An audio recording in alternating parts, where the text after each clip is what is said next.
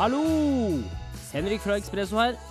Etter flere fine høydepunkter fra sesong tre gjennom Expresso Awards, kan vi endelig begynne med sesong fire. 2021 blir et utrolig bra år. Først ut er Tor Haugnes. Min tidligere foreleser på BI gjennom flere år, og nå pedagogisk leder i All In. Siden 2014 har de jobbet med over 1000 selskaper fra 2 til 20 000 ansatte gjennom utvikling av mennesker og resultater. Tor har også vært en person jeg har sett veldig mye opp til de siste årene, og lært veldig mye av når det kommer til både økonomisk historie, samfunnsansvar, bærekraft, etikk, sosialt entreprenørskap, prosjektledelse, skalering og selvfølgelig vekst av selskaper, og mye mer. I dagens episode prater Thor og jeg hvordan overgangen fra fysiske til digitale plattformer har vært, konsekvensen av dette post-covid, og det er jo selvfølgelig også interessant med tanke på at Thor er en veldig introvert person, men er fortsatt en av de beste historiefortellerne jeg har møtt, og nå, i denne episoden, deler han sine erfaringer og råd til de som ønsker å bli bedre på nettopp dette. Vi diskuterer også politisk korrekthet. Det er litt vanskelig, man skal ikke gå inn på sånne temaer, har jeg hørt, men det blei vi da veldig fristet til. Jakten på fakta, og ikke minst de globale utfordringene verden står overfor. Med tanke på at Thor er en beskjeden kar, tok jeg selvfølgelig prat med en av hans nærmeste venner og kollegaer på BI over mange år, før intervjuet, Nina Vogt, for å få noen fun facts om den pedagogiske læreren. Dette er episode 44, starten på sesong 4, og Thor Haugnes. Yes. Hei sann, Nina. Hei, hei. Hvordan går det? Det går veldig bra her, i Moss. I Moss, ja. Det var så hyggelig at du eh, hopper av spinningsykkelen for å ta en, ta en, prat med meg. Ja. Jeg, eh, du veit jo hvorfor jeg, vi har den samtalen. Jeg skal jo ha en, eh, en samtale med Thor neste mandag. Ja. Um, og da trenger jeg å få litt snadder som jeg kan bruke i den samtalen med han. For jeg veit at han er jo en, en veldig jordnær og ydmyk person. Ja. Eh, og da tenkte jeg det hadde vært ypperlig å ta en prat med deg, for du har jo vært kollegaen hans på BI i mange år, men også da gjennom muntlig formidling. Mm. Så uh, har du noe snadder vi kan bruke? Eh, Du, det er jo altfor god venn til å si for mye, men eh, jeg, du er klar over at han liker eh, høner? Høner? Ja. Ja, Jeg, og jeg, mer trenger jeg ikke si, egentlig. så det, han liker høner. Ja. Litt sånn forskjellig, da. vet du. Mm. Er det, kan du putte noe kontekst på det her? Nope. Det kan tolkes på veldig mange måter, og eh, de ulike tolkningene er, er ganske riktige, tenker jeg. Det er så bra, vet du. Det her er den beste icebreakeren jeg kunne fått. Så sier jeg hei, Tor. Eh, jeg veit jo at du går all in, og at du er veldig glad i høner. Stemmer det? Der har vi den. Ja. Der er den i boks. Der er den i boks. Jeg redda han jo en gang, da, inn hvor han hissa seg så inn i helvete opp. Vi sto, vi sto sammen og hadde et, for, et kurs for, i muntlig formidling. Og så, han, og så hadde vi et manus, og vi følger jo noenlunde manus, men det er bare noenlunde, for vi driver og eh, hjelper hverandre ut inn, ut inn med replikker og ikke sant. Vi begynner å bli litt Mhm. drevne. Men så fyrte han seg opp, da, vet du. Tor i sitt ess. Det gjør han. Ja, men, sånn- men, ja, men vi snakker oppfyring, altså. Vi snakker krutt. Ja. Eh, og han ga seg ikke. For dette, Ofte så stager han den der eh, oppfyringen, vet du. Men uh, han ga seg ikke. Så jeg måtte jo faktisk bare Tor! Tor! Tor! Tor! Tor! Ta deg sammen! Sett deg ned! Puste litt, da, vet du. Så han sa seg ned. Ja, satte ja, jeg dro han inn så sa nå er vi ferdige. vet du. Ja da! Nei, Tor! Og så fortsatte jeg, og så ble det mye latter, da. For de Ja. trodde faktisk at jeg var stager. Men hva var det han gissa seg over, da? For vanligvis når, det, når han snak, husker det fra BI når han snakka om bedriften, så var det veldig fort sånn, sånne kapitalister da bare Men det må jo gå an å. Var det det samme? Ja, omtrent. Ja. Men ofte så har han jo sånn Ja, kapital jævla øh. Det er noe vi alle kan si. Men uh, han eh, ble litt eh, Ikke privat, men personlig engasjert, da. Det Ja. er jo morsomt, da. Og det kan Det man morsomt. være, tenker jeg. altså. Mhm. Absolutt. Man skal jo, det Muntlig formidling handler jo om å gi av seg selv. Men uansett, det er jo kjempemorsomt at man, eh, at man gjør at de blir engasjert, da. Og at man også får, Ja. Jeg tenker det, og det Apropos den icebreakeren din, jeg tror at det er viktig å skape en eh, community, altså et samhold, før, man, før læringen foregår. Nei, men supert, Nina. Det er eh, Nå kan jo ikke bare Nå kan det ikke bli noe annet enn eh, supert, eh, den samtalen med Thor. Nå har vi både en nå har vi både en intro og en outro, for å si det sånn. Så det her må jo bli veldig bra. Lykke til, Henrik. Takk for det. Lykke til med spinning. Og så snakkes vi. Ja, det vil Hei Hei. da.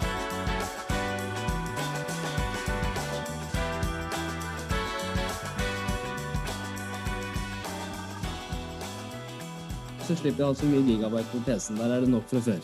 Det tenker jeg nok. Ok. Hallo, Tor. Hallo, Henrik. Hvordan går det? Det går veldig fint. Ja.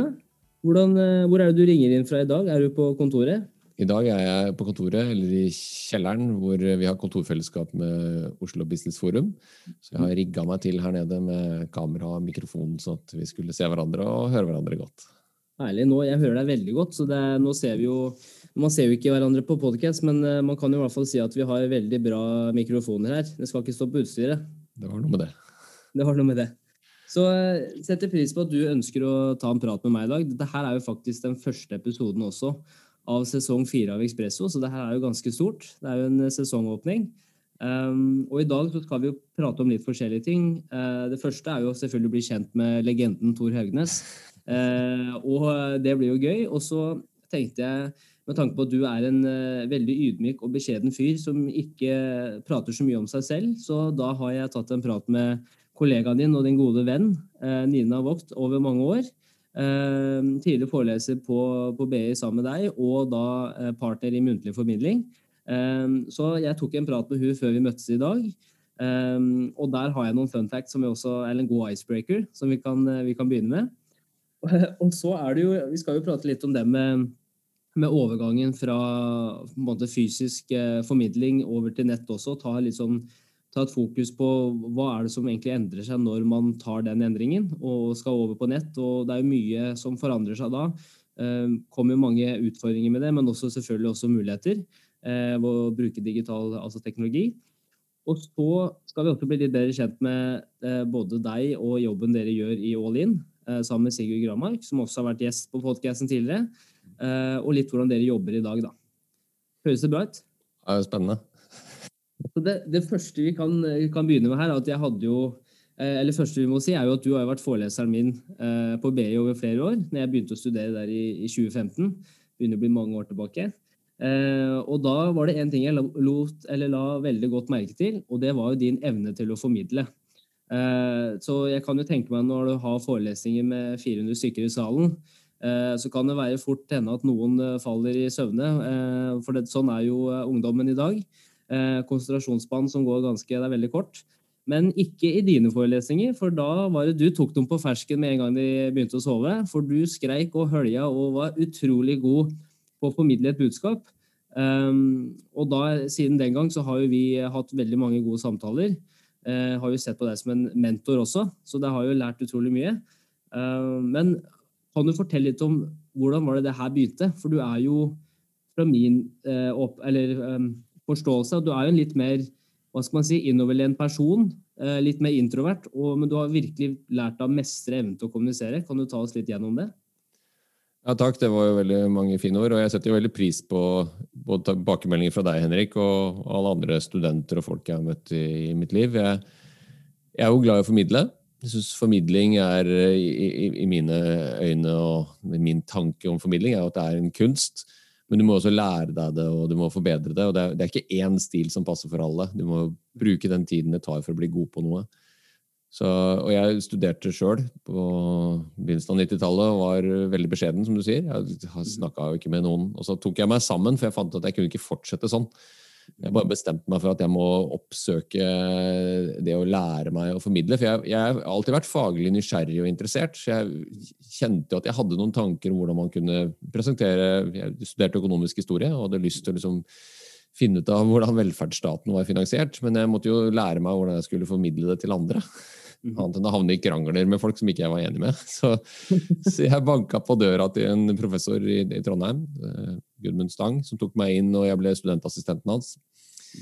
Og da fikk jeg mengdetrening i sånn kollokvieundervisning, og, og, jeg var helt fryktelig Jeg var veldig veldig dårlig på dette. Så jeg, jeg lærte the hard way bare for at jeg hadde vilje av å ville lære det. Og så har du eksperimentert og fått muligheten til å utsette mang en BI-student for de diverse pedagogiske rariteter opp gjennom åra. Noen vellykkede, andre helt klart ting man angrer på og tenker at det der burde jeg ikke ha gjort eller sagt. Har det vært noen ganger hvor du har tenkt sånn dæven, der dro jeg det for langt? Ja, ja, ja, selvfølgelig. Jeg har, jo hatt folk på, nei, men jeg har jo hatt folk på kontoret mitt som har skjelt meg ut og lurt på om jeg har, eh, ikke skjønner konsekvensen av hva jeg sier. Jeg har jo det. Ja. Så det er jo alltid en, ikke sant, det der er jo en Nå høres jo jeg ut som en som bare driver med ren edutainment, for det er jo et begrep, ikke sant? Yes. Men det er jo bevisst, hvis du skal ha en to eller tre ganger 45 minutters sesjon om noe som er relativt kjedelig, og de fleste studentene som kommer i salen, er der bare for at de har lyst til å bestå eksamen, mm. så kan jo jeg også trekke ned den opplevelsen. Ja. Men jeg kan jo sørge for at det er dagens høydepunkt. Yes. Det er jo opp til meg. Ja. Og hvis jeg liksom bestemmer meg for det, at dette er viktig for meg, så kan jo hende jeg klarer å få med meg fem eller ti eller 20 eller 50 eller kanskje til og med 100. Mm. Og tenk, tenk, om man fikk med seg over halvparten av de som kom i forelesningen, til å tenke at ah, her, her, var det en som hadde noe engasjement og noe undring. Mm. Og liksom At de undrer seg over han underlige foreleseren, det gjør ikke så veldig mye hvis det setter i gang en litt sånn hm, dette han snakker om her, eller det som står i pensumboken, det må jeg kanskje prøve å finne ut av. Mm. Så det er, jo en, det er jo fra min egen, da jeg studerte sjøl også, de foreleserne jeg husker, var jo de som var de Ikke nødvendigvis eh, som ropte høyest, Henrik, men de som hadde mest engasjement. altså Nærmest passion, da, som er det norske ordet for det. Yes. Eh, for at de brant for fagformidling. Da. Mm. Også det jeg også syns du var veldig flink på, at du vekker jo også følelser du gjør det veldig relevant. ikke sant? Selv om vi, sånn som sant, bedriften, for eksempel, som er et av fagene, hvor vi snakker om sant, tulipanhistorien og alt det som skjedde for så mange år tilbake, så klarer du å gjøre det relevant at det er hva som skjer akkurat her og nå i dag. Noe som på en måte den yngre generasjonen kan uh, se seg selv i. da. Um, men, ja. men, når du på en måte da For det er litt interessant i forhold til hvordan du kom inn på det sporet. Um, økonomisk historie også. Hvordan vil du beskrive interessene dine gjennom oppveksten også. Hvor var, det, hvor var, det, dette kom til? Har du alltid vært hva skal man si, veldig faglig interessert og opptatt av historie, eller er det mer sånn du det kom en 10-15 år og bare wow, dette er veldig interessant? På videregående så var nok jeg en ganske Jeg bare var der på videregående. Det var ikke, det var ikke når jeg vokste opp på, på seint 70- og begynnelsen av 80-tallet, så var ikke skoleflink. Det var det veldig få som var. Det var noen, det var noen få da, som visste veldig sånn målbevisst hva det skulle bli. Men jeg var bare, jeg fløyt gjennom. Og så var det et par fag jeg gjorde det veldig greit i. Det var historie og samfunnsfag. Uh, og det, når jeg da skulle ta utdanning, for jeg bestemte meg for det, jeg var i militæret Alle på min alder var vel i militæret, i hvert fall de som ville. Og så jobbet jeg et par år. Før militæret, faktisk, så det ble omvendt rekkefølge. Men jeg ville jo studere noe som jeg var interessert i. Og samfunnsinteressert har jeg vel egentlig Jeg likte å diskutere samfunnsforhold, men jeg kunne jo for lite. Så jeg kunne liksom ikke, når jeg leste ja, politiske analyser og andre ting, så forsto jeg jo hva de snakket om til en viss grad, men jeg ville ha mer innsikt. da. Så jeg begynte med historie, og så var det samfunnsøkonomi. Og så studerte jeg på BI, for jeg måtte lære meg hvordan, eh, hvordan verdipapirmarkedet fungerte. Og obligasjoner fungerte. For da hadde jeg allerede bestemt meg å skrive en oppgave om noe så kuriøst som heter Folketrygdfondet som er en måte å inndrive eh, penger på for å, for å igjen spre de utover distrikt, distriktsutbyggingen. Da. -hmm. Så jeg har, nok, det har, nok, bare blitt til, Henrik. Og jeg har vært heldig og hatt gode forelesere og truffet andre fine folk som jeg har studert med. Så jeg, jeg har nok vært, har vært heldig, da. Mm -hmm. Men det syns jeg er en riktig innstilling. Mm. Synes det er en riktig innstilling, Og har jo, du har jo blitt utrolig dyktig i det faget også. Da mener jeg faget for jeg har, faktisk akkurat lest en, en, bok eh, for andre gang som heter 'Grit' uh, av Angela Duckworth. og den, måte, Mye av det er jo selvfølgelig selvforklarende. at Hvis du skal bli god på noe, så må du bare holde ut over en lengre tid. Og du må også prøve å måle progresjon og finne en lidenskap for noe. da. Um, men så handler det veldig mye om det å rett og slett bare fortsette å prøve også, selv om de første gangene, kanskje de første 50 gangene, 100 gangene er vonde. da. Mm. Eh, og akkurat det der har jeg veldig mye erfaring med selv også. Det å skulle stå og formidle noe, og så føle at du ikke strekker til. Og det, var, det her var veldig vondt. Og, Men så blir man jo bedre, og man blir eh, varmere i trøya for hver gang og blir tryggere på seg selv når man står der. da. Um, og det, når jeg hadde den samtalen med, med Nina også før, før, eh, vår samtale i dag, så ser jeg også at Nina og, og, og deg, da, dere deler jo også det med engasjement. Når dere formidler, så er dere veldig opptatt og veldig engasjert, og det vekker mye følelser hos folk. Og så spurte jeg da selvfølgelig Nina om hun hadde noen fun facts eh, om Thor, og hun sa jo at eh, hun, hun, hun, kjenner deg for godt, og du betyr for mye for hun at hun bare kan dele ut fun facts om Thor, rett og slett. Eh, og da tenkte jeg da må jeg også da anvende grit, og jeg skal ikke gi meg, så jeg fortsatte å stille spørsmål og prøve å finne veier inn. Og etter ca. fem minutter, da kom det, vet du. Da var det hagl. Og eh, da kom jo den første fun facten som jeg også ble litt overrasket over, og det er at Nina fortalte at du er veldig glad i høner. glad i og glad i. Nei, eh, datteren min og jeg vi har hatt høns. Eh, hagehøns eh, når vi bodde på Nøtterøy. Det er noen år mm. siden nå. da. Og det, jeg, var, jeg no, tror jeg når datteren min foreslo det, så, så, tror jeg at det kom til å gå, jeg trodde det kom til å gå over. Det gjorde det ikke, og det ble både høns og hane, og det, det var veldig hyggelig. Så jeg, jeg har faktisk jeg eh, har på ett foredrag, Henrik, hatt med meg Eh, ikke, jeg har ikke ruga de sjøl, men eh, jeg har hatt med meg egenproduserte egg til et Unge Venstre-arrangement. Den gangen så var det jo en politiker som het Lars Sponheim, og han drev og tulla med at hver mann skulle ha sin høne. Ja. Og jeg hadde jo høns, og så jeg tok jeg med egg til de. Det jeg hadde bomma på der, da, var at, eh, det var at de der unge venstrepolitikerne de visste jo knapt nok hvem Lars Bonheim var. For da hadde jo han blitt fylkesmann. han var jo ikke lenger på radaren deres, for de drev jo og var jo opptatt av de nye politikerne, selvfølgelig. Ja. Men det, jeg, det, er riktig, det. Jeg er veldig glad i høner. Så du har drevet en egen liten gård, eh, nei, du og dattera? Ja, nei, ikke en gård. Vi, vi hadde hagehøns og egg ja. til eget forbruk. ja. Ja, men så Det er fantastisk. Det er jo, Hvis verden går under, så vet jeg at da skal jeg ta turen til Nøtterøy. Kanskje ikke nå lenger. Ja, men Jeg bor jo der ikke lenger, så jeg, det, er mye, det, er mye, logistikk som må på plass for å få til det. Så Der jeg bor nå, så er det ikke egnet til å ha Nei. Men, Men dere har ikke, så dere har ikke høne lenger? Nei. En gang, Henrik. En gang, Men det er jo noe å stryke av på bucketlista, det òg. At man har ja. hatt en egen gård, holdt jeg på å si, med, ja. med høner. Nei, Må ikke dra det langt, altså. Dette har ikke noe med gjøre det. Nei, men så bra. Så, men, men noe, noe, av det jeg også prata med, med, Nina om, var jo litt av, litt av at den i forhold til overgangen fra fysiske forelesninger, hvor man på en måte er vant til å se kanskje hva skal man si, 400-500 stykker i salen. Og, og, og, det er jo selvfølgelig mye lettere når man ser ansiktet til folk og forstå kroppsspråk og vite hvordan man skal tilpasse seg mens man på en måte foreleser og forteller en, en historie også.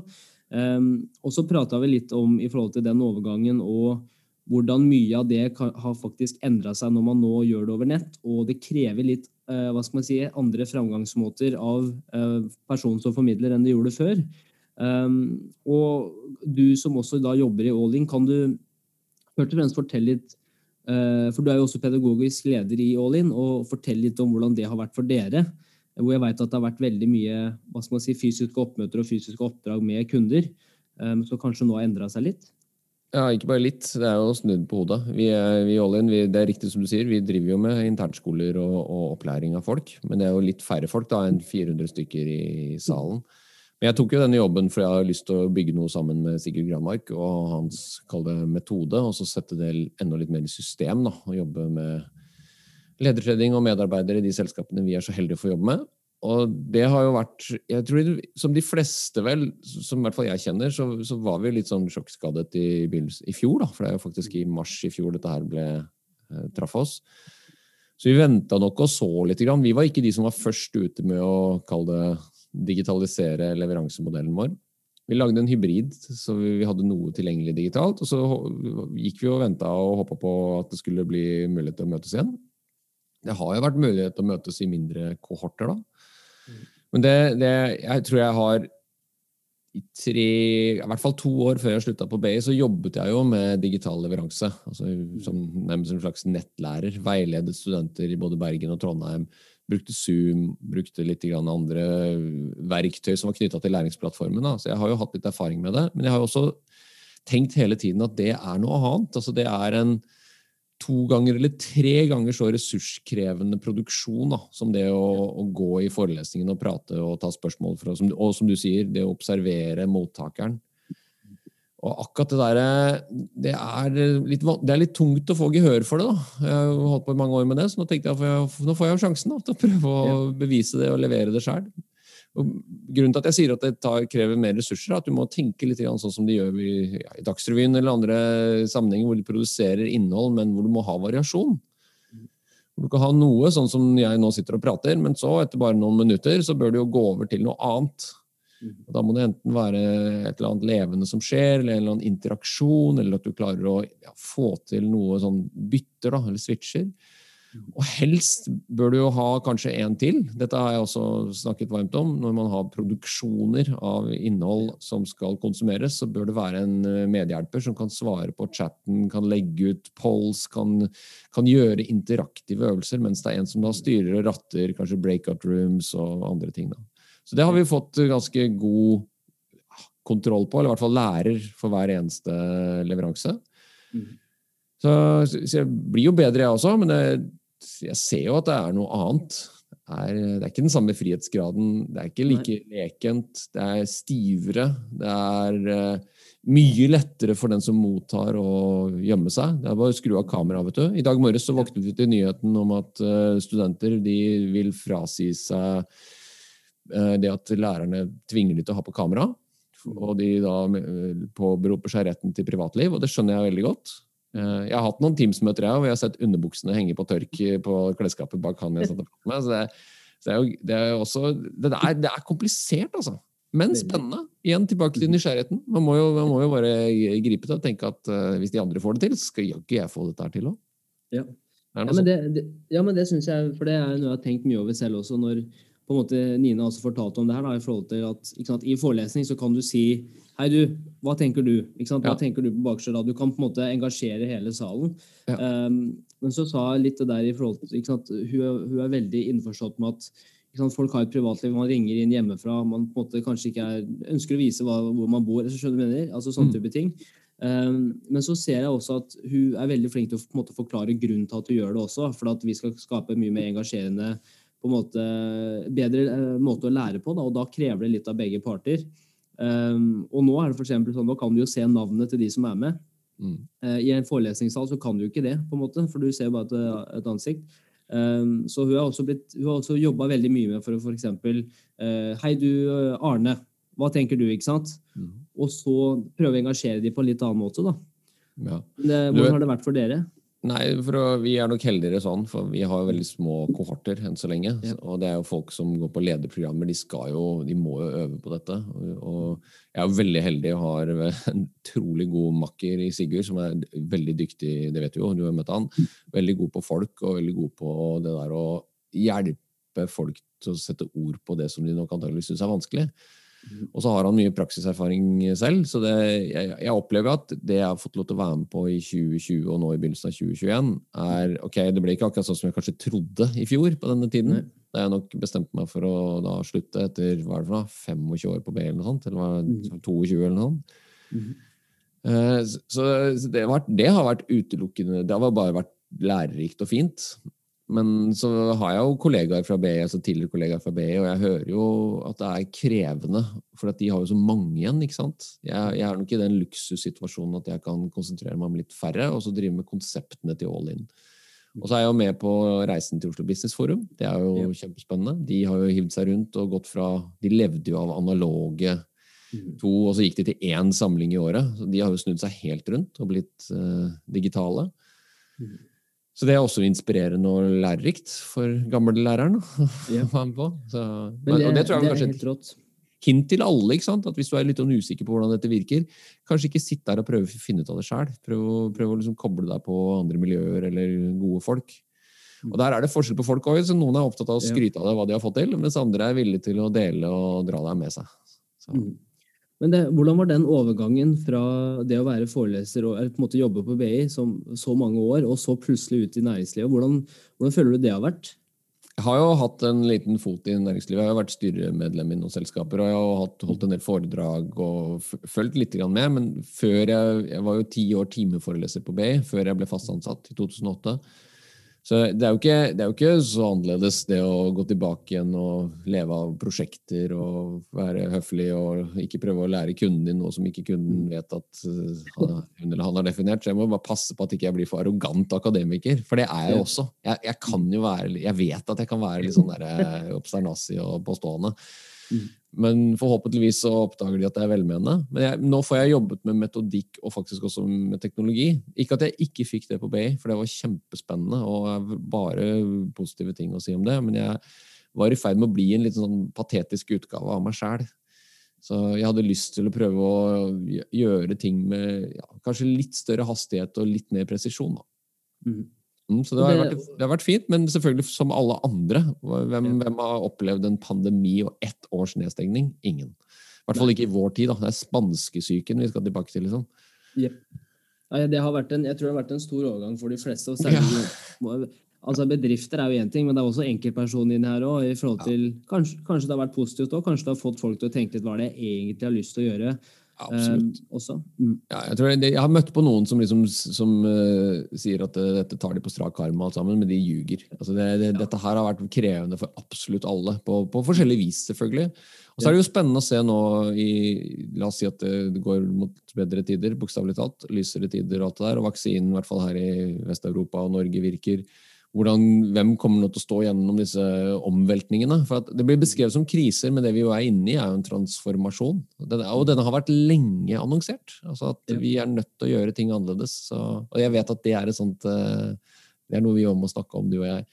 Yes, det må vi. og det, det, jeg først har lyst til å gå inn på der, er jo det der med evnen til å, å, omstille seg. Da. og Du har jo vært med Oslo Business Forum også siden begynnelsen. Eh, og jeg må også si jeg ble eh, på en måte mektig imponert av hva på en måte Marius og Kristoffer og gjengen har fått til. Eh, og, og, dere da har fått gjennom i forhold til det å gå fra det er som du sier, analoge konferanser og eventer og til å på en måte gå all in, bokstavelig talt, eh, mm. på eh, digitale formater.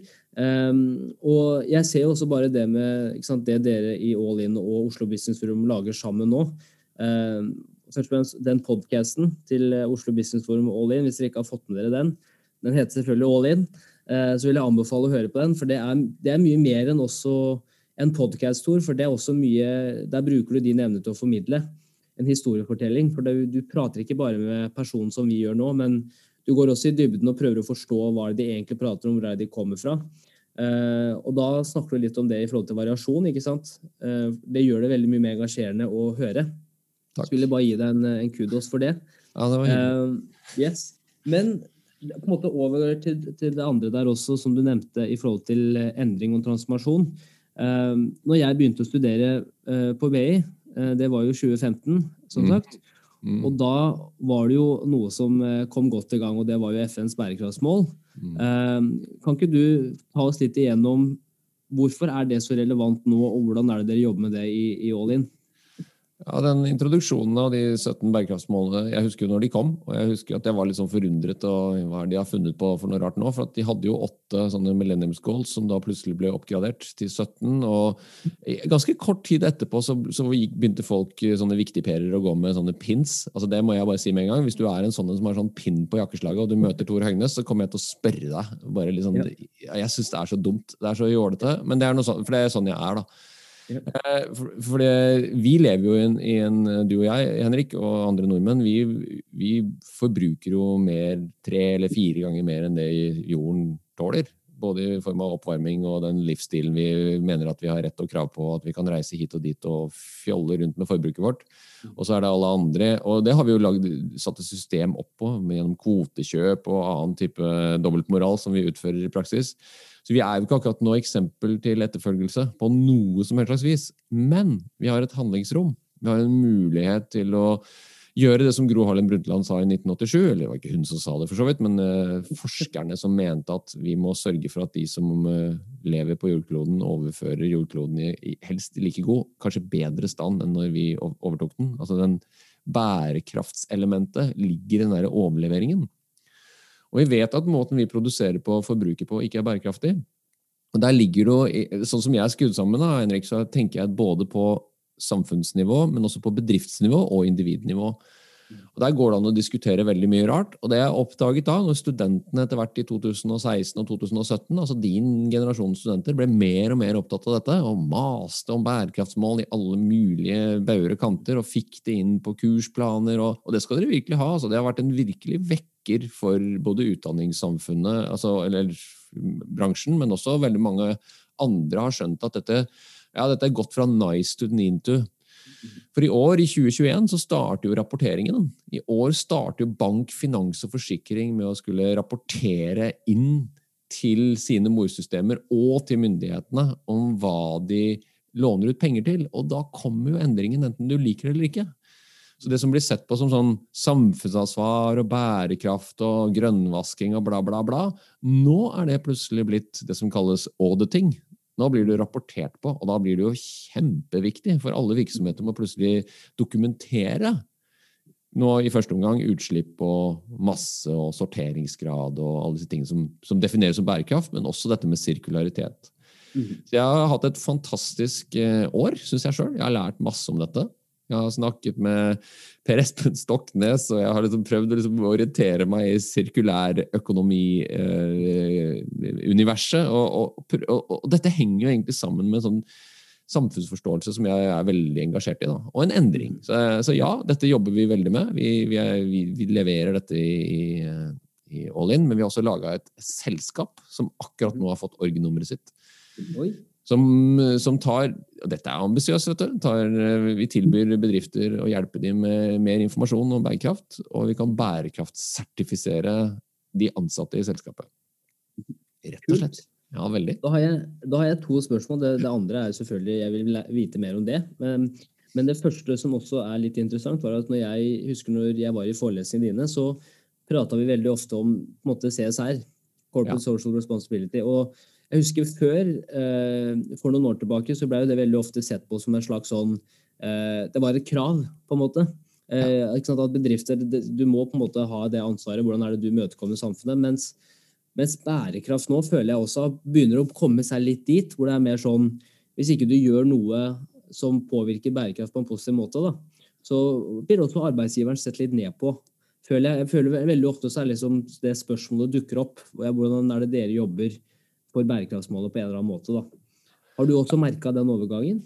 Ja, ja altså er, egentlig så er det en utvikling. og Den er ganske lett å se. for at det er, du, Nå er jo du en ganske ung mann, men du husker vel kanskje det at for fem år siden så så drev vel de aller fleste selskapene og ga bort geiter og andre rariteter til jul, eh, mm. som liksom var samfunnsansvar. Det er liksom, det er sånn avlatsopplegg. Se hvor flinke vi er, men det, det er langt unna oss. Eller plante et tre i Amazonas. Det var også veldig ja. populært. Som digitalt julekort. Fy søren, hvor flinke vi er. Banket de seg på brystet og tenkte vi, nå, nå viser vi verden hvor flinke vi er og de ansatte blir kjempestolte. Sannheten var at de ansatte var kjempesure, for de var jo vant til å få en liten julepakke hjem, eller de få et eller annet som de kunne vise fram til familien sin. Se her hva vi fikk av eh, den gniende arbeidsgiveren vår. Nå får vi bare ei geit i Eru, som vi aldri ser. Men det som har skjedd, er jo at dette har, jo, dette har man jo skjønt, at både for å være attraktive arbeidsgivere, så må man jo kommunisere noe til dere. For man, det er jo en kamp om talenter her. Man må jo ha flinke folk om bord i båten sin for å kunne levere igjen til kundene. Så man kan ikke liksom skrive på websida si 'Vi driver ikke med samfunnsansvar'. Mm. Søk hos konkurrenten vår, du din nepskalle, for vi skal ikke forandre verden. Jo, for man er nødt til å forandre verden. Man vet at dette med togradersmålet det kommer til å gjøre verden ganske utrivelig og, og eh, plass å være. Og Hvis ikke du tar inn over deg at det har, det har, vi selv et ansvar for Og igjen tilbake til den der samfunnsperspektivforståelsen. Det er individer, det er organisasjoner og det er samfunnet. Og De tre tingene er jo lenka sammen. Og Når disse endringene skjer samtidig, så er det jo menneskene som setter i gang den endringen. Du og jeg, Henrik. Og det er ikke bare arbeidsgiverne som må gjøre noe med det, men det er også de ansatte. Hvor vil du jobbe hen? Og Der har vi jo sett de siste ti årene helt entydig hvor er det nyutdanna folk vil jobbe. Jo, de vil jobbe et sted hvor det gir mening. Mm. Så har du noen uh, suliker, jeg skal ikke si hvilken nasjonalitet og jeg, hva jeg har opplevd, som, som, holder fast i en sånn 1980-talls Gordon Gekko-greie om at greed is good, og de skal tjene mest mulig penger på kortest mulig tid og kjøpe seg en øy i Bahamas. De fins jo mm. selvfølgelig, men de er et lite mindretall. Mm. Flertallet ønsker en bedre tilværelse, faktisk litt mer tid, og de ønsker mer harmoni, ikke mest mulig penger til meg og mitt. Nei. Og da, jo, da, kan jo jeg velge. Jeg kan jo også tenke at ja, det var jo mye bedre på 80-tallet. La oss nå prøve å være som Gordon Gekko, for det, det, blir mye bedre. Det blir jo ikke det. Vi er jo nødt til å dele den innsikten vi har, med andre som har en annen innsikt. Naivt, kanskje, men det er sånn jeg tenker. Ja, men jeg er helt enig. Jeg, jeg ser jo også den, uh, den endringa. Og jeg tenker at hvis på en måte, Du må også vite spillet du spiller. på en måte. Så Enten så må du nesten være med på det, det toget når det forlater stasjonen. Eller så blir du på en måte stående igjen og, og være de litt sånn gretne, gretne folka som på en måte sier at alt var bedre før. Ikke sant? Av skrekk og gru. Ja, skrekk og gru. Og, men så er det jo også hvis man på en måte tar min generasjon inn i det her òg, så er det jo Jeg føler også at det er en veldig hårfin balanse mellom det å stille store krav til arbeidsgiveren og på en måte ønske å gjøre en endring i verden, og selvfølgelig både ja, Veldig ofte så blir det jo snakk om makrobildet, at eh, sant, samfunn, samfunnet skal bli mye bedre, og jeg skal gjøre mitt inntrykk på, på det osv. Men, men jeg ser også at det er en balanse der i forhold til at veldig ofte så prater vi om hva alle andre må gjøre, og hva samfunnet må gjøre, og at vi skal gjøre bedre ting selv. og Um, men veldig ofte så blir det også kanskje ikke så mye fokus på men hva må jeg gjøre for å ha det bra i mitt eget liv, for å lykkes i mitt eget liv. Um, og hva tenker du om i forhold til min generasjons krav til arbeidsgivere, og litt sånn som vi prata om når jeg studerte på BI også, er sånn Veldig mange kommer ut i arbeidslivet og forventer at jeg skal redde verden på dag én, eller jeg skal gjøre verden til et bedre sted på dag én. Og så etter noen måneder så er det sånn ja, men jeg føler ikke at jeg bidrar til samfunnet. ikke sant? Hva tenker du om det?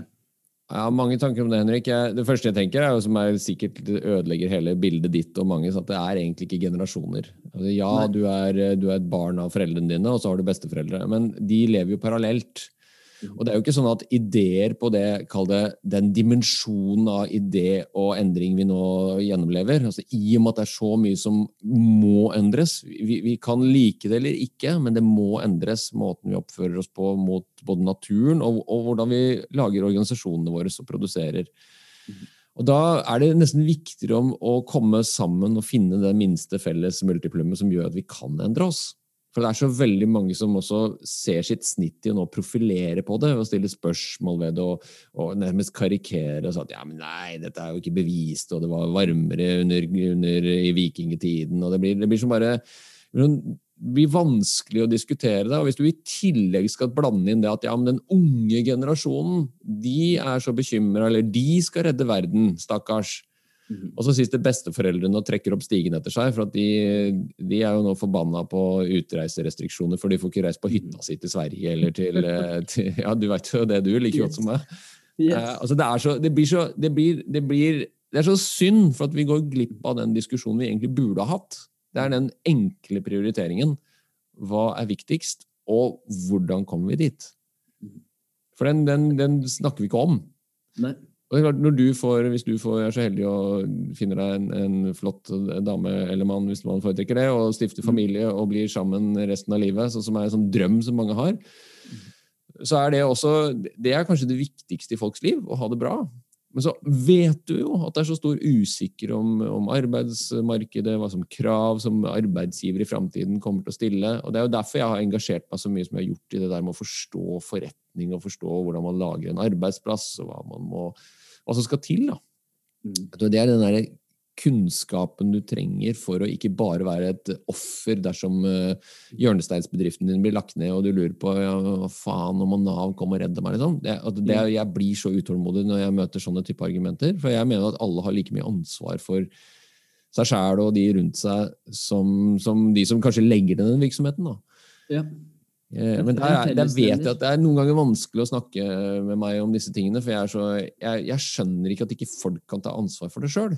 Er, der har jeg en brist. Jeg vet det. altså. Jeg er klar over at det er litt sånn strengt.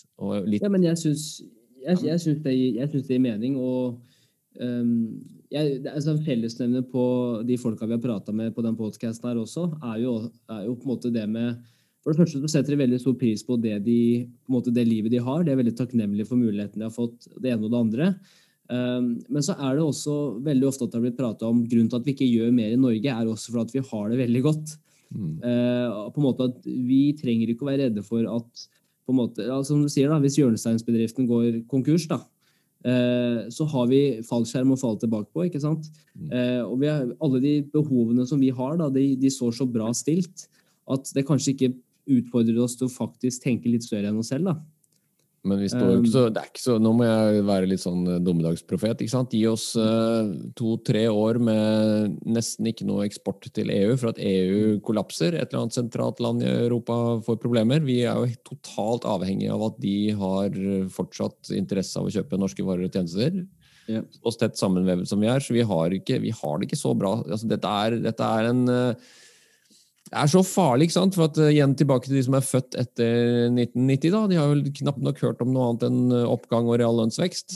Men eh, de som har levd litt lenger, veit jo at det der svinger over tid. Det at folk nå har, har det opplevd som en sånn menneskerett at de skal bo i sin egen eide leilighet i tettbygde strøk til en kvadratmeterpris som ikke ligner grisen, og på en rente på, som er på 1,5 Jep. ja, Det er helt sinnssykt å tro at det der kommer til å fortsette. Men det gjør folk. Og, og, de, og det er kanskje det som skremmer meg mest, hvor, hvor risikoaverse folk er. da. Altså, De vil liksom bare å, De kjører på. Og det går bra. Og det er Ja. poenget. at det er veldig, Jeg tror også, også det handler veldig om persepsjon nå, da, i forhold til hvordan min generasjon tenker at på en måte Norge at vi, altså vi vokser opp, vi har det trygt, vi har det godt, men sam, samtidig så er det også, i hvert fall i, mitt bakhode, så er det også en tanke om at eh, først og fremst, Hvis jeg skal tenke veldig mange år fram i tid, så er det også at pensjon og Hvis man skal tenke på det, da For Mm. vår generasjon kommer ikke til å være den samme som det det har vært for babyboomers. for å si det sånn.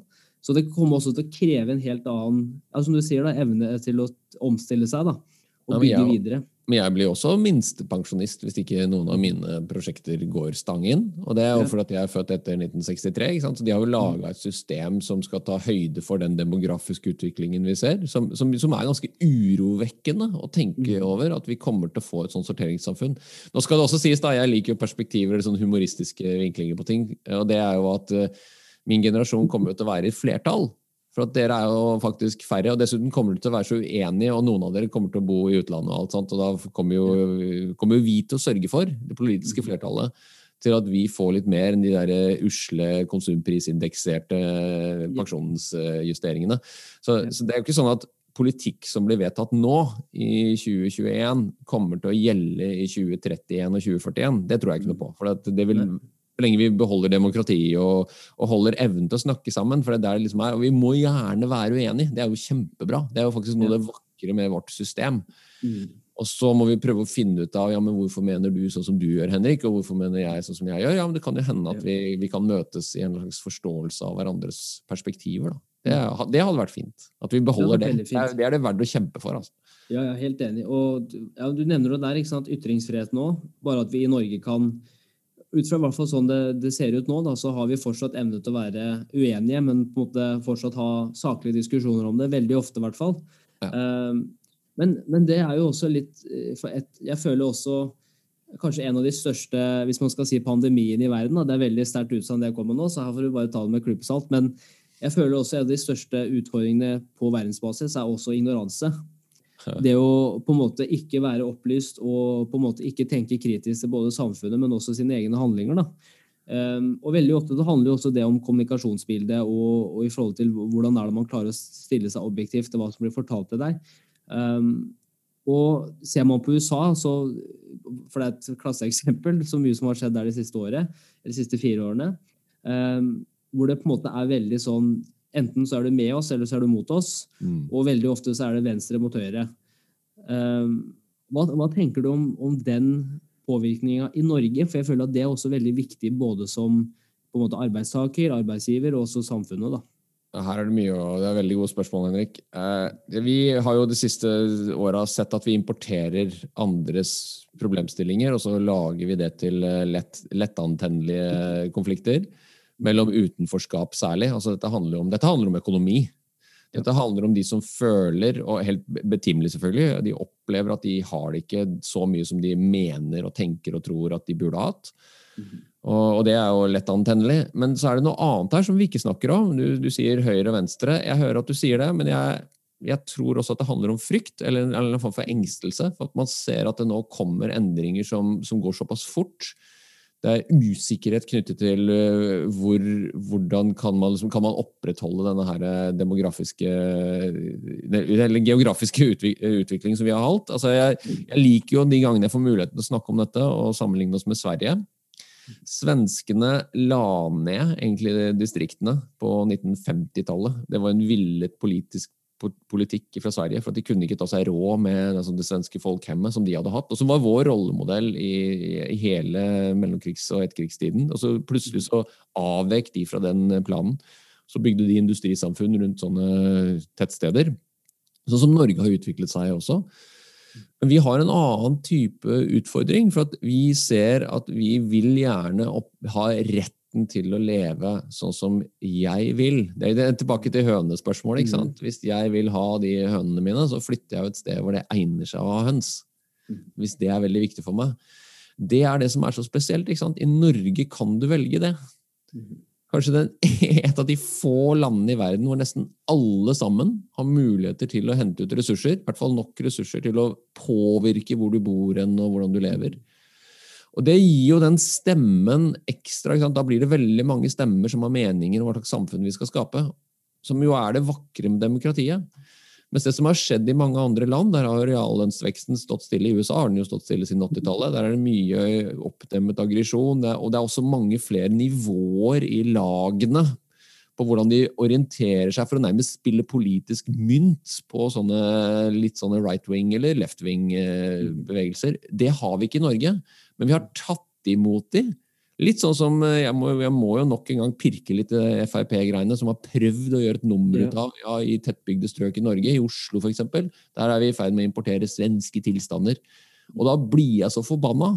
Det aller viktigste vi kan gjøre, er å snakke med disse menneskene. Det er jo ikke prøve å gi dem en jævla merkelapp.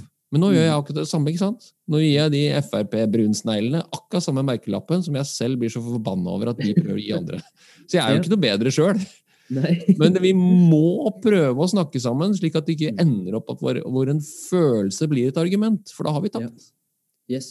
Og det, men der er, det er det jeg også er redd for, er at eh, på en måte, her kan man på en måte, Det er mange som kan spille en rolle i det spillet, her, på en måte, men jeg, jeg føler også at i hvert fall i mediene, altså Før så handla det om på en måte å, å formidle den, sannheten. da, Føltes ut som hvert fall formidle den, Kanskje også for at vi ikke hadde internett, så vi visste ikke bedre. Vi måtte bare stole på hva mediene sa, ikke sant? Eller, eller de største mediene på en måte kom med. da. Mens nå så føler jeg på en måte at min følelse veier like mye som din sannhet eller som din fakta. Og at hvis ikke jeg liker din, altså hvis ikke jeg liker fakta som kommer til bordet, selv om på en måte det er bevist objektivt, da, men hvis jeg ikke liker det, så kan jeg fortsatt demonstrere at det betyr like mye som fakta, da, hvis det gir mening. Ja, ja, ja, det er jo farlig, ikke sant? for Ja. du liker ikke Greta Thunberg, eller du liker ikke eh, Lan eh, Marie, du liker ikke miljøbevegelsen, du liker ikke de Oslo-folka, du liker ikke bomringen, du liker ikke altså det, blir, det, blir jo, det, er jo opp, det er jo lett å forstå. Dette handler om at man er utrygg. Ja. Men det er veldig vanskelig å argumentere med at jeg, jeg forstår at du er usikker. Eh, er ikke dette en sånn der Bjørn Eidsvåg-låt? jeg kan ikke grine for deg, men da, da blir det i hvert fall krangel. For Du skal ikke komme her og komme her og fortelle at du forstår kompisen din eller, eller mora di eller faren din som, som begynner plutselig å argumentere for at nei, nå går det for fort. Men det er akkurat det som skjer nå. Folk Yes. opplever at disse endringene er unødvendige. Folk ønsker trygghet, de ønsker forutsigbarhet, de ønsker sånn som det var før. Samme problematikken man har i Amerika. En haug av forskjellige meningsytringer som har liksom kommet sammen denne ideen om at ja, vi, hvis vi står sammen om dette, så skal vi i hvert fall være sterke. Og det er man jo, for man blir jo mange. Mm. Ja, og det, det samme kan vi jo få her, at du, du får en sånn motbevegelse mot endringen. Men, ja, jeg, tror, jeg tror at det, altså bare det i forhold til politisk korrekthet er jo én ting, men du så jo også bare de siste to åra det der med ja, Hva heter det på engelsk? altså eh, Cancelling culture. altså på en måte at man Kanselleringskulturen. at det, på en måte at, eh, La oss si en person har gjort mye bra innenfor et fagfelt, men selvfølgelig har kanskje spesifikke ytringer eh, på andre steder. da. Um, så har det så mye å si hvem som hyrer deg inn da, til å gjøre den jobben eller ha den presentasjonen. eller på en måte hva enn det er for noe. Selv artister som på en måte er kjent for musikken og følelsene de klarer å skape hos lytterne, eh, de blir nå også kansellert hvis de har kanskje en spesifikk mening som kanskje ikke den, eh, den gruppa hører seg igjen i. da. Um, og jeg ser jo at det kommer til Norge allerede nå, eh, og det har jo vært der i mange år allerede. Men jeg er veldig redd for at hvis man ikke kan ha ordentlige samtaler med folk man er uenig med, og at det blir den der som vi har sett i USA da, på steroider eh, på en måte Enten så er du mot oss, eller så er du med oss. Ja. Eh, Men det er ikke noe imellom. Eh, hvordan ser du Norge om, nei, og- og jeg fem år, på det. er jo økonomisk ulikhet som, Ja. som alltid trigger en eller annen form for reaksjon. Og, en, og, en eller annen, og så kan det selvfølgelig være noe ideologi her. Jeg skal ikke, jeg skal ikke ta fra folk eh, retten til å mene noe annet. Det blir sånn, Jeg glemte å nevne vindmøllene. Det er også et veldig godt eksempel på sånn symbolpolitikk. Nå har det vært veldig dårlig håndtert av politikerne våre. Altså Der er det så skrekkelig dårlig håndverk at jeg blir så irritert på det også. Det, den beste måten å forankre en vindmøllepark på, er jo vært å, å koble det til lokal inntjening. Så at de kunne ha fylt opp eh, badebassengene sine og fått noen ekstra ungdomsklubber og, og gjort ting som var helt strålende lokalt. Det er klart det hadde vært vindmøller overalt, for faen! Ja, det, altså, det, er, det er så dårlig, er så dårlig håndverk at jeg blir Ja. disse, disse menneskene representerer lokalsamfunnet våre. Så det, Du må jo skjønne incitamentene i hvordan folk er villige til å ta imot endringer. Du kan jo ikke liksom bare trykke det i halsen på dem og si 'gap opp, og dette smaker godt'. Det er jo tvangsfòring. Mm. Det er jo det vi driver med. Og når du lager sånne systemer som, som ender opp med at Det er jo ikke, det er jo ikke rart at, at aggresjonen kommer ut på, på de symbolgreiene, da, på bomringer og bompriser og på vindmøller. Men det er jo selve endringen vi burde snakke om. Ja. Burde prøve liksom å, å, å snakke om hvorfor og hvordan, og hvordan man kan lage kloke systemer. For vi har alle forutsetninger for det i Norge, å lage gode, kall det gjennomtenkte løsninger. Det er, det som gjør meg litt sånn frustrert. Men det, det kan hende også det er litt vår skyld, vet du, som har vært opptatt av økonomi og lære folk å tjene penger. og ja, Hvordan kan du sno deg til at du sitter igjen med litt mer enn han der på, i nabotomta? For at ja, men du var jo inne i boligmarkedet tidlig, du. Ja, men det er klart, da Yes. fikk du med deg den oppgangen. Du var mye Mm. lurere enn de andre. Ja. Og Jesus Christ, altså det er så smålig. Altså, det er sånn Ja. gjeng med nyrike bortskjemtunger som, Mm. som konkurrerer i å, å, å være lurere enn de andre luringene. Ja. Det, men det har aldri har, det, Som du skjønner, jeg er jo litt på siden av den der mainstream eh, what's in it for me-diskusjonen. Ja. Men litt på, på det sidesporet der, da. For det, nå er det jo litt politisk, altså så vi skal prøve å komme tilbake til, til, til i pedagogikken. pedagogikken ja, pedagogikken. Men eh, jeg tenkte på um, Tror du også det er en av grunnene til at Senterpartiet og Vedum at de har fått så mye oppslutning nå, før, før et eventuelt valg, Ja, selvfølgelig. ute på bygdene? ikke sant? Ja, ja, selvfølgelig. Ja, men De er kjempeflinke, og det skal vi ikke ta fra dem. Altså. De er flinke Nei. til å treffe den strømningen av eh, usikkerhet og, og ikke minst frustrasjon. og en sånn derre de, de har klart å lage en eller annen sånn forestilling om en sånn elite som styrer eh, Norge. og Det er jo ikke langt unna det Trump ble valgt, til, valgt på, for at han skulle jo styrte eliten i Washington. Yes. Det, det er bare pakket mye penner inn, og nå det, nå er det nå er 20 norsk. av Norges befolkning irritert på meg for at nå sier at Yes. senterpartister de, de, de er dust. De er ikke det. De er kjempe, de er, men de er engstelige. De Ja. vil ikke endre, Henrik. De vil, de vil ikke bytte ut Og det skjønner jeg veldig godt. Det er kjempefint på landsbygda. Jeg har vokst opp på landsbygda sjøl. Det er jo strålende, det er ren luft, det er, det er fine naturmuligheter. Kanskje ikke så mye som skjer, men du kjenner alle sammen. Og hvis det er noen som fiser litt høyt borti gata, så, så skjønner du at det er noen som har spist litt for mye erter. Det er nesten på det nivået. Ja. Det er kjempebra det, for de som vil livet. Men det er ikke Mm. sikkert vi kan opprettholde det. Nei. Bare det å si det skaper jo dårlig stemning. De vil jo ikke endre det. De vil at det skal være sånn, de. Det er jo derfor de bor der. For faen, det er jo helt opplagt. Ja.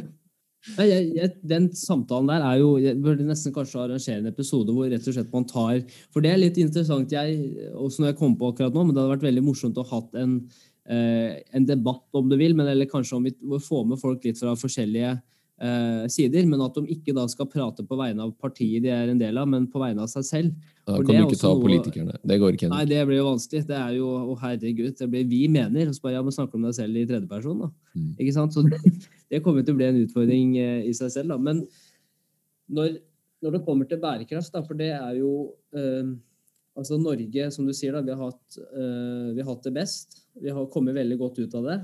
Eh, men samtidig så er jo også vi en av de som jeg vil ikke si vi er øverst på lista når det kommer til eh, fremtredende land som på en måte gjør alt de kan da, for at det her skal gå, gå veien. Men, men hvor tror du Norge er om altså En ting er jo bærekraftsmålene om la oss si fem år. da, Ti år klarer vi å nå de.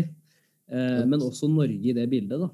Den neste milepælen hvor vi må se på, er jo 2030. Og, og, og vi er jo flinke. Altså det, er jo, det er utrolig viktig å få sagt. Vi har et veldig godt utgangspunkt og mye ressurser som vi kan kalle mobilisere og endre. Og så er det også litt lett å og fristende å pirke litt i. Vi var jo ikke de første som tok innover inn over oss bo, sant? Når det var en svenske som, eh, med, med epilepsi som hoppa i V-stil, så var, var vi nei, dette var både stygt og meningsløst. Og samme med intervallstarten skulle vi opprettholde sånn at folk gikk på ski på gamlemåten. Så det ligger nok noe litt sånn romantisk i vår, vår måte å tilnærme oss, i hvert fall tradisjonelt. da. Nå har nok det endra seg, for vi har jo blitt mye mer til, tilpasningsdyktige, vi òg. For mange har jo vært utenlands og sett at utlendingene har jo noe for seg, men vi har det jo også veldig fint.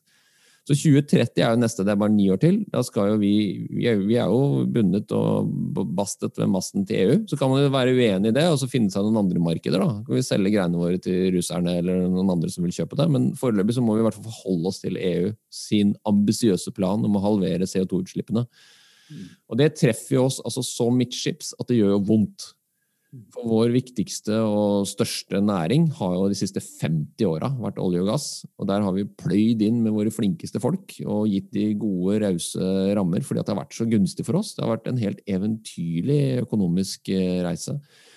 Og den ser vi jo nå med gru at vi antageligvis må endre. Mm.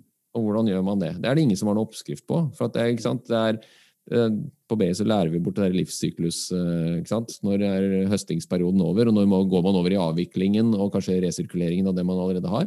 Og det må man jo fysisk nå begynne å gjøre. altså Disse store feltene som vi åpnet med Ekofisk og de andre på 70-tallet, de må jo på et eller annet tidspunkt avvikles. Og de kan sikkert brukes til andre ting. Det kan hende at man kan produsere strøm der, og all den kunnskapen man har, kan man jo definitivt bruke som utgangspunkt i nye ting. Og dette må vi diskutere. Vi må ikke bare liksom slå hverandre i huet med argumenter. For at om ni år så skal vi stå til rette for hva vi da har gjort. Og regjeringen la jo fram nå i januar en, en, en ganske ambisiøs sånn metodikk. Da. Jeg er opptatt av metodikk og læring, som du vet. Mm. Det, er, det, er, det, er, egentlig det jeg er opptatt av. Yes. ikke disse politiske greiene som du nå lokker meg ut på. Ja. Men de har jo lagt opp til en metodikk som jeg liker veldig godt. At det skal ha årlig eh, revisjon da, av, av, hva vi gjør sjøl her hjemme og en revisjon av tilsvarende ting som vi da kjøper oss litt sånn avlatsaktige kvoter på i utlandet. Mm. Og det vil jo For de som er interessert, det vil jo gi oss innsikt i hva vi faktisk er i stand til å gjøre. Mm. Og Det vil jo, det vil vi bruke ni år på. Og så vil jo tiden vise da, hva slags politisk system vi har da, hva slags, hva slags levestandard vi opplever vi har, om vi opplever at den står stabilt, om vi opplever at den går opp, eller hvis den går ned. Mm. Hvis man om ni år opplever at levestandarden går ned, hvis din gjeng, da, som du opplever som din generasjon, eller altså de som da har omtrent de samme referanserammene som deg i, i livsfasene sine, syns med litt sånn misunnelse at vi, da, som er eldre enn dere, som er foreldregenerasjonen, har liksom stikket av med, med, det beste kortet, så kan jo jeg si det samme om mine foreldre. Og de igjen nesten om sine igjen. Ja. Så vi har en liten sånn utfordring når vi lager de der vi-dem-greiene. Så er det, virker det som det har blitt mye lettere kort å dra nå i diskusjonen, istedenfor å ja. komme fram til ok, hva er det du vet, Henrik, som, som jeg har nytte av, og hva vet jeg, som, som litt det fora som du snakker om, da, for å få mm. de meningene som gjør at, at den der mas din klikker sammen, og at vi kommer oss videre. Ja.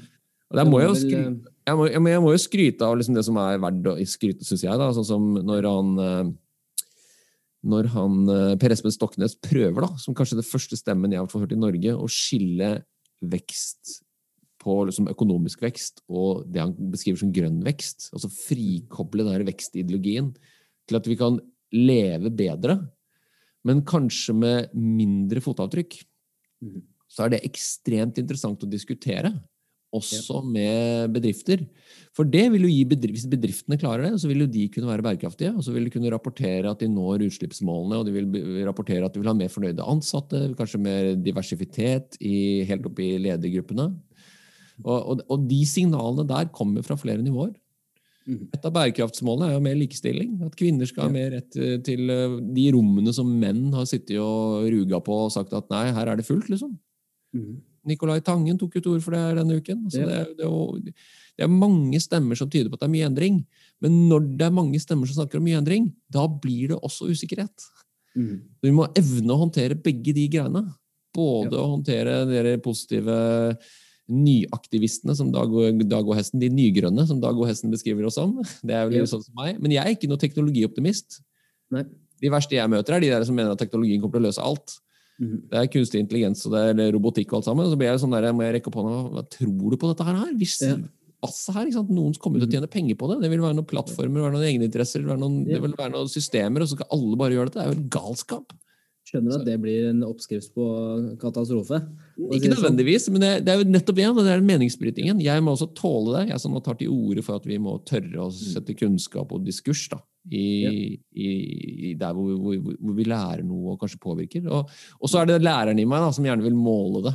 Jeg vil jo gjerne se at det har en påvirkning. Gjerne litt sånn stykkevis og delt. Og man klarer å finne ut av ok, nå, nå blir det noe endra atferd her. Som igjen kan knagges til bærekraftsmål eller til, til, mindre utslipp, eller noe som gjør verden et bedre sted å, å leve i. da. For deg og dine barnebarn og dine oldebarn, Henrik. Ja. Og så er det min generasjons faktisk lodd til å tørre å si det. Ja, vi har vært kjempeheldige, men nå må vi faktisk ta oss sammen. fordi at dette er vi nødt til å gjøre sammen. Ja. Bill Gates, av alle, kom med en bok i neste uke, eller hva det nå er, i mars, tror jeg, som handler om dette dilemmaet. Ja. Eh, Så Forhåndsomtalen var slik at eh, pandemien som vi har hanska med nå, er bare barnemat i forhold til det, vi, det som kreves av oss for å endre Ja. måten vi lever på, da, og måten vi produserer på og konsumerer på. Mm. Og det har han helt rett i. Jeg er helt enig i det også. Jeg tror eh, måte, det vi har vært gjennom det siste året nå, har også vært en vekker i forhold Mm. til hvordan vi må forberede oss på hva som kommer etter. Ja. Eh, og kanskje det har vært positivt på mange måter òg, at vi har virkelig satt oss ned og tenkt oi, måten vi gjør ting, fungerer ikke, og det er ikke bærekraftig. Ja, Um, jeg er redd at eh, de kommer til å få vann på gåsa, de som da opplever at, de, at det blir misunnelse, og, og de ja. ikke får det til. Og, de får, og hvis de går ned i levestandard, Henrik, Ja. da, vet du, da, er det noen som, da er det noen syndebukker. Da trenger vi noen, eh, noen eh, dropouts fra Grorud eller Stovner som har knivstukket noen, og så har vi gettotilstander, og så har vi narkotika Vi har så mye problemer. Så Ja. vi ja, Nei, jeg er redd for det at man ikke ser disse menneskene og individene med, med det samfunnsperspektivet, og at det er endringer. Det er egentlig Ja. det som er problemet her. Og avslutningsvis nå, Tor. Eh, vi kunne jo prata en evighet, men eh, avslutningsvis er jo eh, hvilke måte, Som læreren i deg, da, og som en eldrenes kar, eh, hvilke, hvilke erfaringer eller på en måte eh, råd og, og på en måte refleksjoner vil du dele med de yngre som også kommer etter? Og på min alder også, selvfølgelig eh, folk som er yngre, for jeg veit også at mye av det som er eh, kunsten med livet, i hvert fall hva som vi har lært så langt, er å lære de som har gått veien før deg. Eh, og du trenger ikke å gjøre alle feilene selv, selv om det hjelper å gjøre dem selv, for da er det lettere å ta det til seg. Men hva, hva slags tanker har du gjort deg opp om som kanskje yngre generasjoner bør tenke på når de går gjennom livet? Jeg tror kanskje det aller viktigste er å identifisere i hvert, hvert menneskets tilfelle hva som gjør deg glad. Altså det, det er jo gleden som må drive deg. Jeg tror nok at for min del så brukte jeg nok litt tid på det, og så bare være trygg nok på det. At det som gjør meg glad, gjør meg også godt.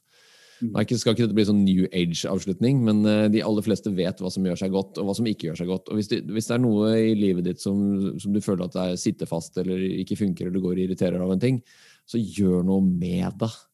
Det er bare én som kan gjøre noe med det, og det er jo du. Og det sa jeg jo til meg selv i ganske mange år, faktisk. Helt fram til jeg fant ut at jeg måtte bare prøve å gjøre noe annet. Og så får jeg jo lov til å gjøre noe annet, for at jeg bor i et av de beste landene å kunne gjøre noe annet i, nemlig Norge i 2021. Da. Og det er jo det som er så spennende. ikke sant? Jeg, jeg, ikke, ikke la deg liksom bremse av en eller annen sånn idé om at andre forventer hvem du skal være. Det er jo faktisk bare du som kan gjøre noe med det. Så, Mhm. så det er det enkleste og kanskje ærligste rådet jeg kan gi til folk. Ja. Jeg, det. jeg syns det er gull. Det skal jeg ta til meg allerede. eh, med en gang. Ja, Eh, vær litt glad. jeg, det, det, men det, jeg syns sånne ting er så viktig, da, i forhold til at man kan prate veldig mye om på en måte karriere og ambisjoner og det ene og det andre, men til syvende og sist så handler det om på en måte, hva er det du syns er, er viktig, hva er det som motiverer deg. og Veldig ofte så prater man også om lidenskap og passion og det ene og det andre, men det er veldig vanskelig å vite hvis du ikke har prøvd engang. På en måte å vite hva du er lidenskapelig opptatt av. Så jeg syns det er et veldig god avslutning på en veldig god samtale, og jeg gleder meg til neste. Tusen takk for anledningen, og lykke til videre, Henrik. Og det siste, Tor, er jo også viktig. Hvor er det folk kan finne deg og All In? For det er også Hvis de har lyst til å lære mer om hva dere gjør, og, og bærekraft og sammen med kunder osv., hvor kan de finne dere? Vi er jo eh, som eh, Nå må jeg ikke si nå er det ikke deg, Sigurd, men som halvgamle menn som prøver seg på sosiale medier. Det er jo ikke så lett. Vi er litt sånn sporadisk på. eh, Mest Mm. off. Fins på LinkedIn og fins på allin.no. Og egentlig bare send meg en e-post. Tor at allin.no. Jeg er jo gammel. Jeg svarer på e-post innimellom. Supert. Ja. Tor svarer på e-post, og da blir det party. Takk for anledningen, Henrik. Herlig. Tusen takk, Tor.